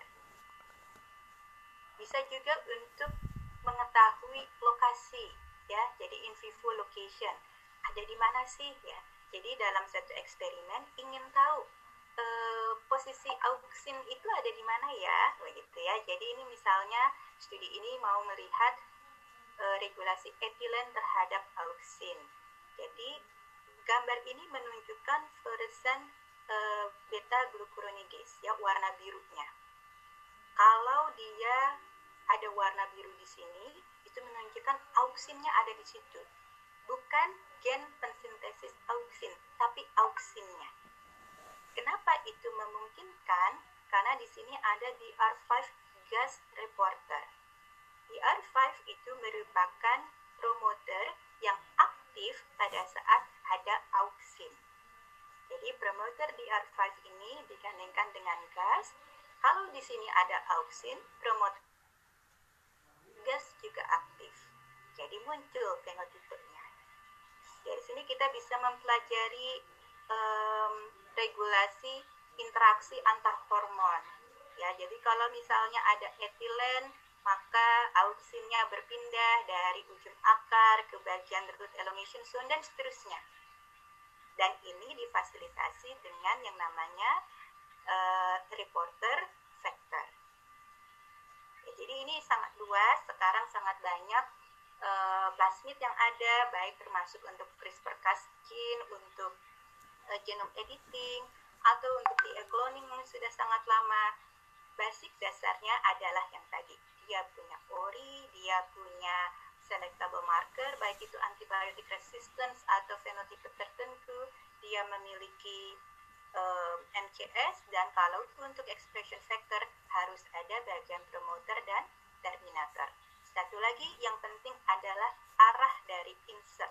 Arahnya tidak boleh terbalik ya. Jadi gen ini harus terinsersikan dengan arah 53. Tidak boleh sebaliknya. Kalau terbalik maka tidak akan terekspresi. Sekali lagi lebih detail mengenai itu akan dibahas pada ekspresi uh, pada transformasi genetik ya rekayasa genetika namun hari ini saya mengenalkan mengenai plasmid. Nah tadi kita bicara mengenai cloning dan seterusnya. Bagaimana cara melakukannya prinsip-prinsip dasarnya? Misalnya untuk plasmid berapa rasio antara insert dan ukuran plasmid? Berapa banyak itu untuk transformasi yang optimal? Itu akan dipelajari lebih lanjut di dalam mata kuliah teknik laboratorium dalam bioteknologi tanaman. Saya rasa uh, pemaparannya sampai di situ dipersilahkan jika ada yang ingin dikonfirmasi. Uh, izin bertanya Bu. Silakan. Membawa DNA target kita atau DNA asing itu ke dalam organisme target ya Bu. Salah satunya ya. Ya. Terus itu kan ada tadi syaratnya Bu, seperti harus mempunyai replikator dan mempunyai ketahanan antibiotik yang tinggi ya Bu ya. Salah Untuk, satunya uh, ya jadi kalau seandainya tanaman itu apa syaratnya itu tadi tidak memiliki ketahanan antibiotik yang tinggi, itu proses selanjutnya apakah masih bisa berlanjut gitu bu? Itu yang pertama bu. Mm-hmm. Yang kedua itu kan bu setelah nanti terjadi proses ataupun sudah potongan DNA itu tergabung dalam siklus plasmid itu lingkaran plasmid itu kan nanti diperbanyak dengan bakteri agrobakterium ya bu. Nah, perbanyakan bakteri agrobakterium tadi ini itu kan akan terus diperbanyak ya Bu. Pada proses ini apakah nanti ada salah satu DNA itu yang mengalami perubahan atau mutasi seperti itu Bu? Yang terakhir Bu, itu nanti kan hasilnya tuh Bu setelah ditransformasikan ke dalam sel tanaman, itu cara kita mengetahui uh, bahwa tanaman ini sudah berhasil uh, menjadi in, apa tanaman transgenik nanti itu gimana bu apakah uh, apa gimana gen yang tadi sudah disisipkan ke dalam dari plasmid tadi itu kan akan disisipkan ke tanaman ya bu cara kita mengetahuinya sudah berhasil itu gimana kira-kira ya bu uh, terima kasih bu Baik, terima kasih. Ya, jadi pertanyaan nomor satu dan nomor tiga itu saling uh, berkaitan ya. Jadi uh, yang Bapak bicarakan di sini adalah plasmid untuk ekspresi, jadi expression factor. Karena tadi plasmid ada untuk cloning, ada untuk ekspresi, dan ada reporter. Nah, untuk expression factor tadi, eh, salah satu eh, komponen dari plasmid adalah membawa gen resistensi terhadap antibiotik tertentu. Apa gunanya? Gunanya seleksi seleksi baik bakterinya maupun tanamannya. Jadi kalau bakteri membawa plasmid tanpa um, resistensi terhadap antibiotik tertentu, kita tidak bisa tahu bakteri mana yang membawa plasmid. Jadi memang ini Bapak bertanya tahapan setelah transformasi.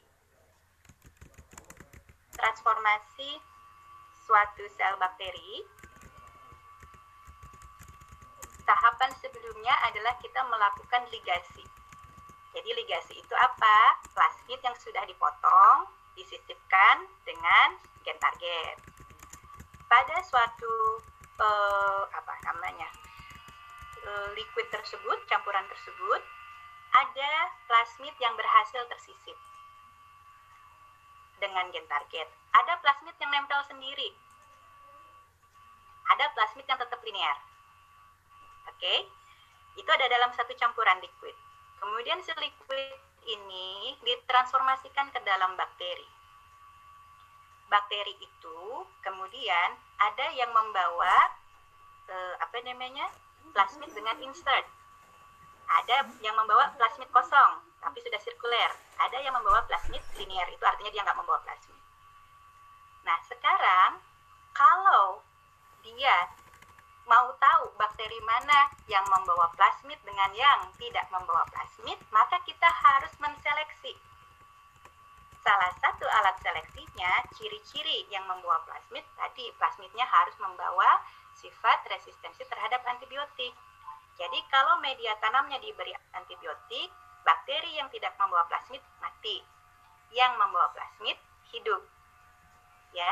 Jadi kalau sejak awal plasmid Bapak tidak membawa resistensi terhadap antibiotik tertentu, tidak bisa melakukan seleksi. Ya, dan naturnya tadi plasmid yang akan membawa resistensi antibiotik itu kan berarti ketambahan sekuen. Kemungkinan besar ukuran plasmidnya lebih e, besar dibandingkan plasmid yang tidak membawa e, gen antibiotik. Jadi hmm, bakteri yang tidak membawa plasmid atau yang tidak memba yang membawa plasmid dengan tanpa resistensi tertentu itu biasanya tumbuhnya lebih cepat pak. Ya jadi kalau misalnya bapak tidak punya media seleksi tidak bisa dapat bakteri doang nggak bawa plasmid. Kira-kira seperti itu. Hal yang sama juga ter terjadi pada saat level tanaman. Kalau tidak bisa melakukan uh, apa kalau plasmidnya tadi tidak membawa resistensi terhadap antibiotik, bagaimana kita bisa menseleksi? Seleksi awal itu benihnya ditumbuhkan pada media yang mengandung resistensi terhadap antibiotik tertentu. Ya, kalau bagian itu sudah terinfeksi ke dalam genom tanaman, tanamannya ditumbuhkan dalam media yang mengandung antibiotik tetap tumbuh. Tanaman normal tidak. Ya, tentu tadi cara cek lainnya seperti apa? Ya bisa saja kita lakukan PCR kita cek apakah ada segmen tersebut dengan primer tertentu ya tapi tentu itu merupakan syarat mutlak karena kalau tidak dari awal bakterinya bapak tidak bisa menseleksi ya untuk pertanyaan nomor satu dan tiga apakah sudah clear pak Mansur? Udah bu. Oke tadi yang kedua eh, boleh diulang pak pertanyaannya terkait yang kedua tadi kan bu uh, setelah proses tadi plasmid itu udah masuk DNA asing ke dalam bakteri plasmid apa ke dalam plasmid kan bu itu nanti diperbanyak ke da, de, disisipkan lagi ke dalam bakteri agrobakterium kan bu hmm. itu kan nanti bakteri itu terus memperbanyak kan bu nah, pada proses perbanyakan itu apakah ada salah satu dari apa DNA tadi itu yang mengalami perubahan seperti itu, Bu? Ya, oke. Okay. Uh, eh, itu ada. Bahkan kita tidak melakukan apa-apa pun mutasi bisa terjadi. Namun secara prinsip tadi di dalam uh, mekanisme replikasi maupun transkripsi di prokariot itu ada banyak kontrol Kayak tadi kan ada kontrol replikasi, dia on kalau apa, dia off kalau bagaimana. Jadi secara umum hingga saat ini e, bakteri yang digunakan dalam e, aplikasi laboratorium bioteknologi itu adalah yang sudah di-engineer. Dia bisa mengatur bahwa seminimal mungkin tidak terjadi perubahan di dalam proses replikasi. Kenapa eh, proses replikasi? karena yang kita butuhkan tadi adalah dia mengganda ya yang terpenting terekspresi tadi selectable markernya tapi kalau gen target kita kan kita mau mengekspresikannya di tanaman nah jadi yang penting dia mengganda jadi di situ dipentingkan adalah um, proses replikasinya bisa berjalan dengan baik dengan kontrol internal antara bakteri dengan plasmid ya seminimal mungkin kalau bapak tanya peluangnya ada ada tapi sampai sejauh ini hal itu sangat minimal terjadi. Mungkin begitu ya, Pak Mansur. Sama-sama. Apakah ada hal lain yang perlu dikonfirmasi? Saya Bu. Pak Ari Susanto? Ya, silahkan Pak. Uh, ingin bertanya terkait ini Bu. Konstruksi dari vektor yang dibahas barusan uh, Agrobacterium tumifacien. Saya ya. pernah membaca terkait bakteriofag Bu kemudian untuk bakteriofag ini sistem pemasukannya tuh apakah sama atau bagaimana Baik, terima kasih Pak Aris. Ya ini suatu bahasan yang agak berbeda, tapi memang tadi ya boleh kalau saya boleh uh, sampaikan, page, page itu mungkin bagi yang belum pernah membaca agak asing. Bakteriofage itu basisnya adalah dari virus ya dia bukan asli e, bakteri maka kemudian bentuk bentuk dari materi hasilkan itu bukan circular plasmid tapi dia tadi dalam bentuk page Nah, apakah proses transformasinya sama? Nah, saya tidak bisa menjawab secara langsung. Jadi, e, kalau yang diambil itu hanya informasi sebagian dari fagenya, kemudian yang kita punya adalah bentuknya tetap plasmid, maka secara umum transformasinya uh, sama. Ya, tapi kalau yang bentuknya bagaimana? Nah, itu berarti Bapak harus membaca uh, bagaimana cara virus menginfeksi bakteri. Ya, yang kita bahas tadi adalah bagaimana cara plasmid bakteri menginfeksi tanaman maka dia punya sistem memotong di uh, left dan right border, memindahkan tDNA. Nah, kalau untuk uh, fage, berarti Bapak harus membaca lebih dalam mengenai bagaimana cara uh, virus RNA menginfeksi bakteri, karena asalnya dari situ. Ya, saya belum pernah menggunakan fage, Pak Aris, jadi saya sendiri tidak bisa menjawab berdasarkan pengalaman. Mungkin nanti bisa uh, pendalaman dengan membaca artikel uh, mengenai bakteriofage. Mungkin itu dulu ya, Pak. Baik Bu, makasih. Sama-sama, baik silah.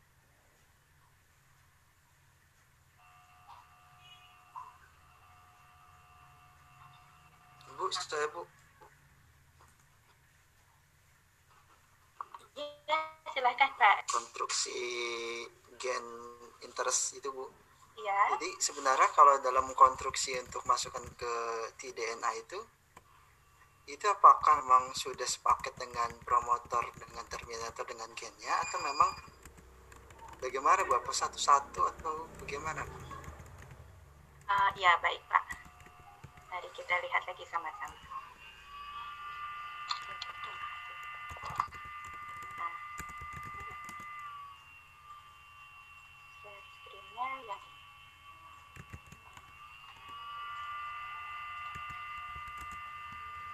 Ya, ini ya Pak ya. Jadi yang Bapak tanyakan apakah ketika menyusun konstruksi ini eh, bagaimana caranya begitu ya. Jadi Pak, untuk eh, konstruksi yang ini sebagai contoh, gen interest ini ya eh, OSHK Tituan katakanlah dia disisipkan pada bagian multiple cloning site itu hanya open reading frame-nya saja. Hanya ORF-nya. Berarti mulai dari ATG sampai TGA, gitu ya.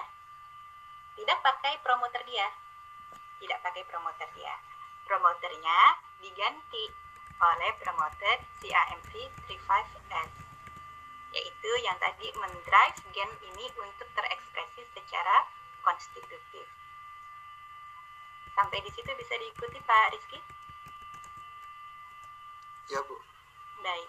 Nah, tapi untuk studi yang ini,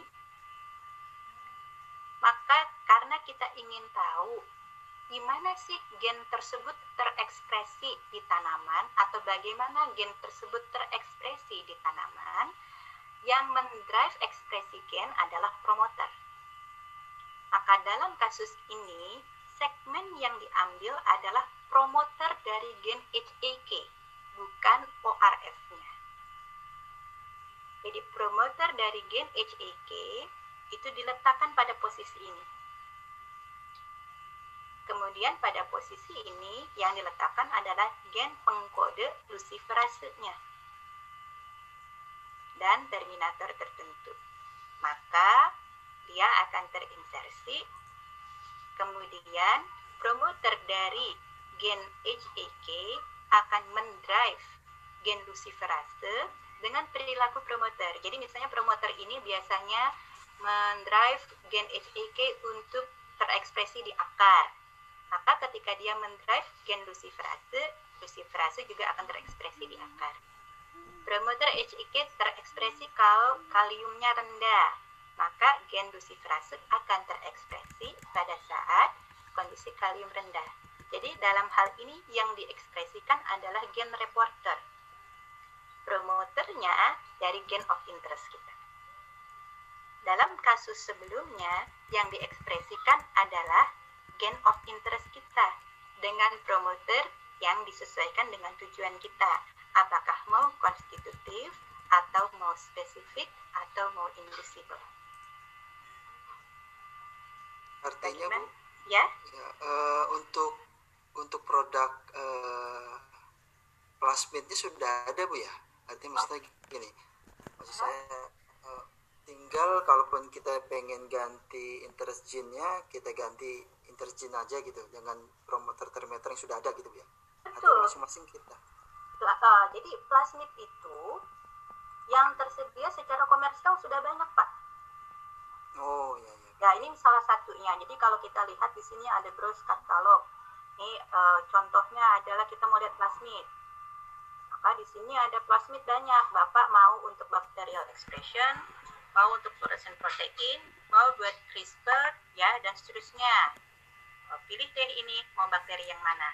Eh mau plasmid yang mana. Sudah ada tersedia di sini ya. Jadi misalnya ini yang untuk luciferase. Ya, untuk luciferase dia sudah punya plasmid plasmid yang ready, tinggal kita ganti dengan eh, promoternya mau pakai apa. Ya, demikian juga untuk yang ekspresi yang tadi saya sebutkan PBI 121 itu konstruk konstruk plasmidnya sudah ada sudah ada eh, kemudian saya tinggal ganti atau menyisipkan di MCS. Tapi tentu saja kita bisa merekayasa plasmid.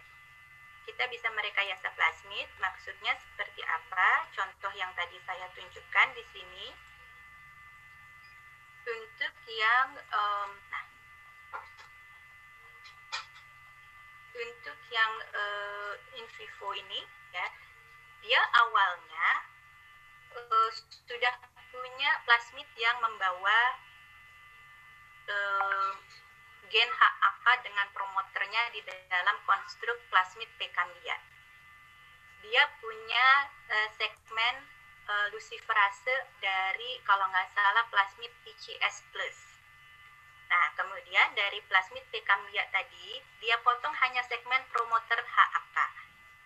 Dari eh, plasmid PCS itu dia ambil hanya promoter luciferase. Kemudian dia gabungkan di dalam suatu binary vector dengan misalnya urutan seperti ini. Jadi itu bisa dilakukan. Ya, misalnya nih, saya mau ganti uh, promoternya, maka dari plasmid ini saya potong, saya ganti promoternya dengan RD29A supaya dia invisible. Itu bisa dilakukan. Tapi plasmid dasar itu sudah banyak, sangat banyak tersedia secara komersial. Bukan kita yang harus merekayasa dari Oke Bu, terima kasih Bu. Sama-sama. Baik, mungkin kita bisa genapkan sampai um, 9.50 kalau masih ada pertanyaan.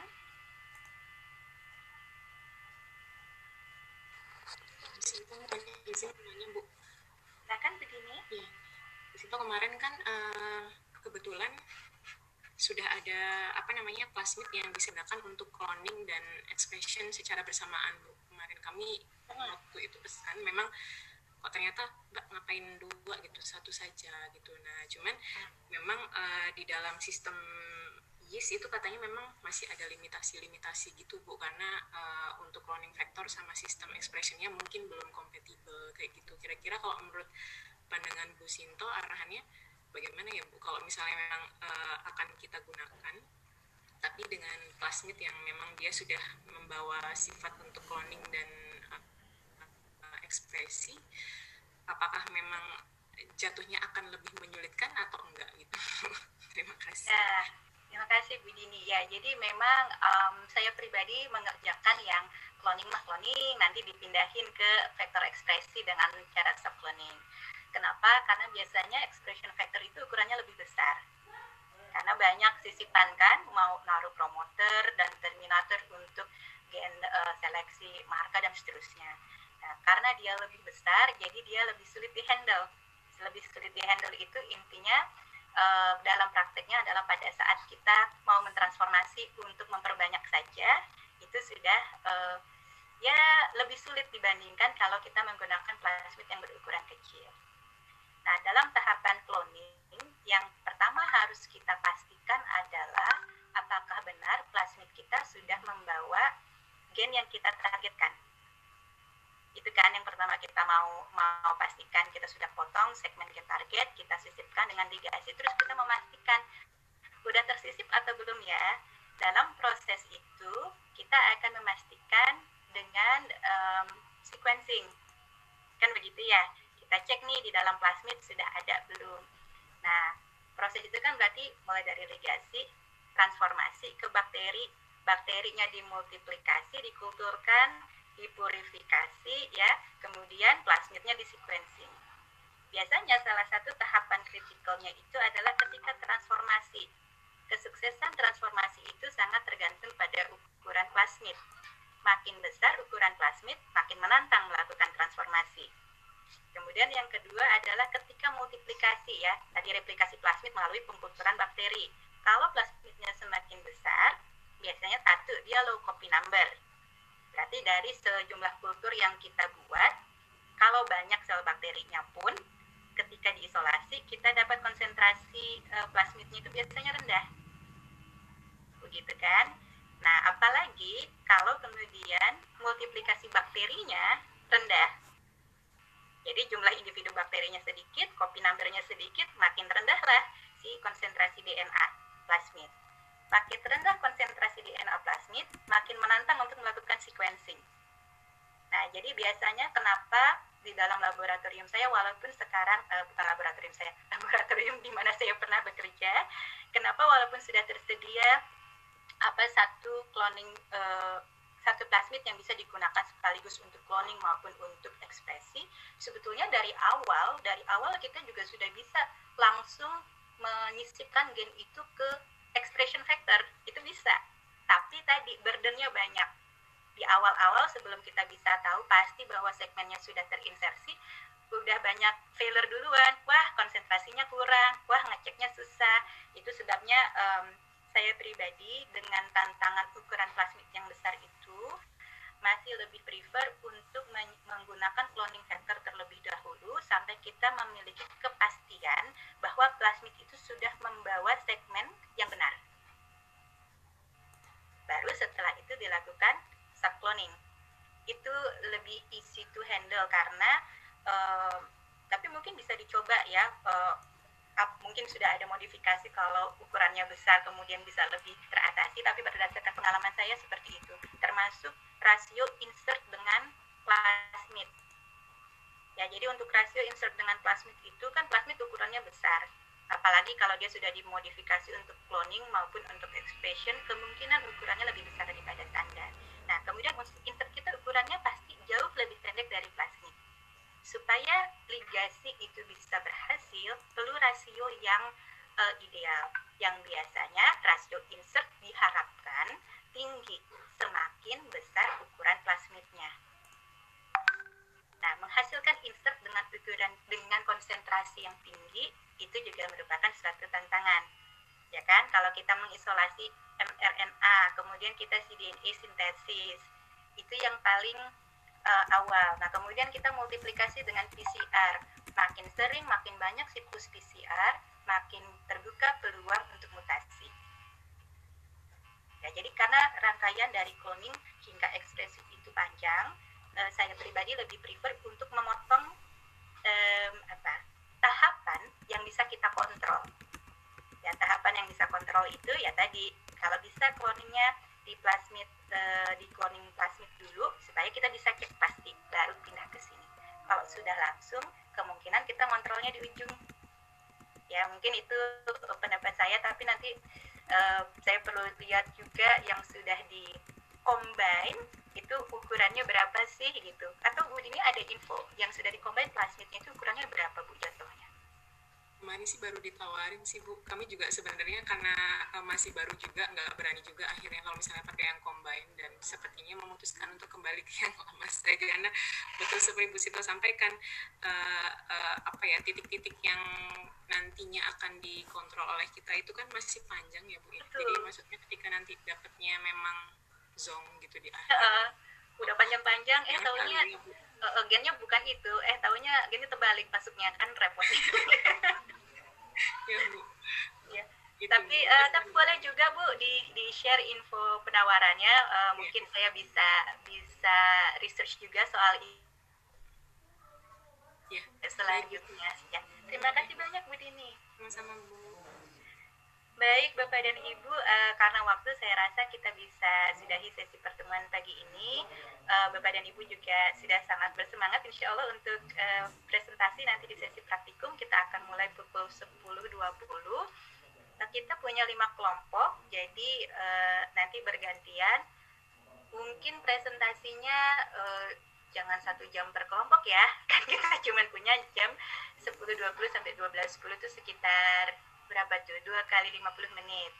Jadi 100 menit dibagi 5, maksimal kelompok kalau bisa presentasi 10 sampai 15 menit supaya kita masih bisa punya sesi diskusi. Begitu ya. Nanti uh, silahkan urutannya ditentukan saja uh, yang mana yang duluan. Saya rasa begitu Bapak Ibu terima kasih banyak atas partisipasinya. Insya Allah uh, kita bertemu lagi mudah-mudahan kesempatan yang lain, tapi untuk mata kuliah ini hari ini pertemuan terakhir dengan saya. Nah, wassalamualaikum warahmatullahi wabarakatuh. Waalaikumsalam warahmatullahi wabarakatuh. Bertemu di room yang berbeda nanti saya share di grup ya, Bapak Ibu. Terima kasih, Bu. Terima kasih, Bu. Terima kasih, Bu. Terima kasih, Bu.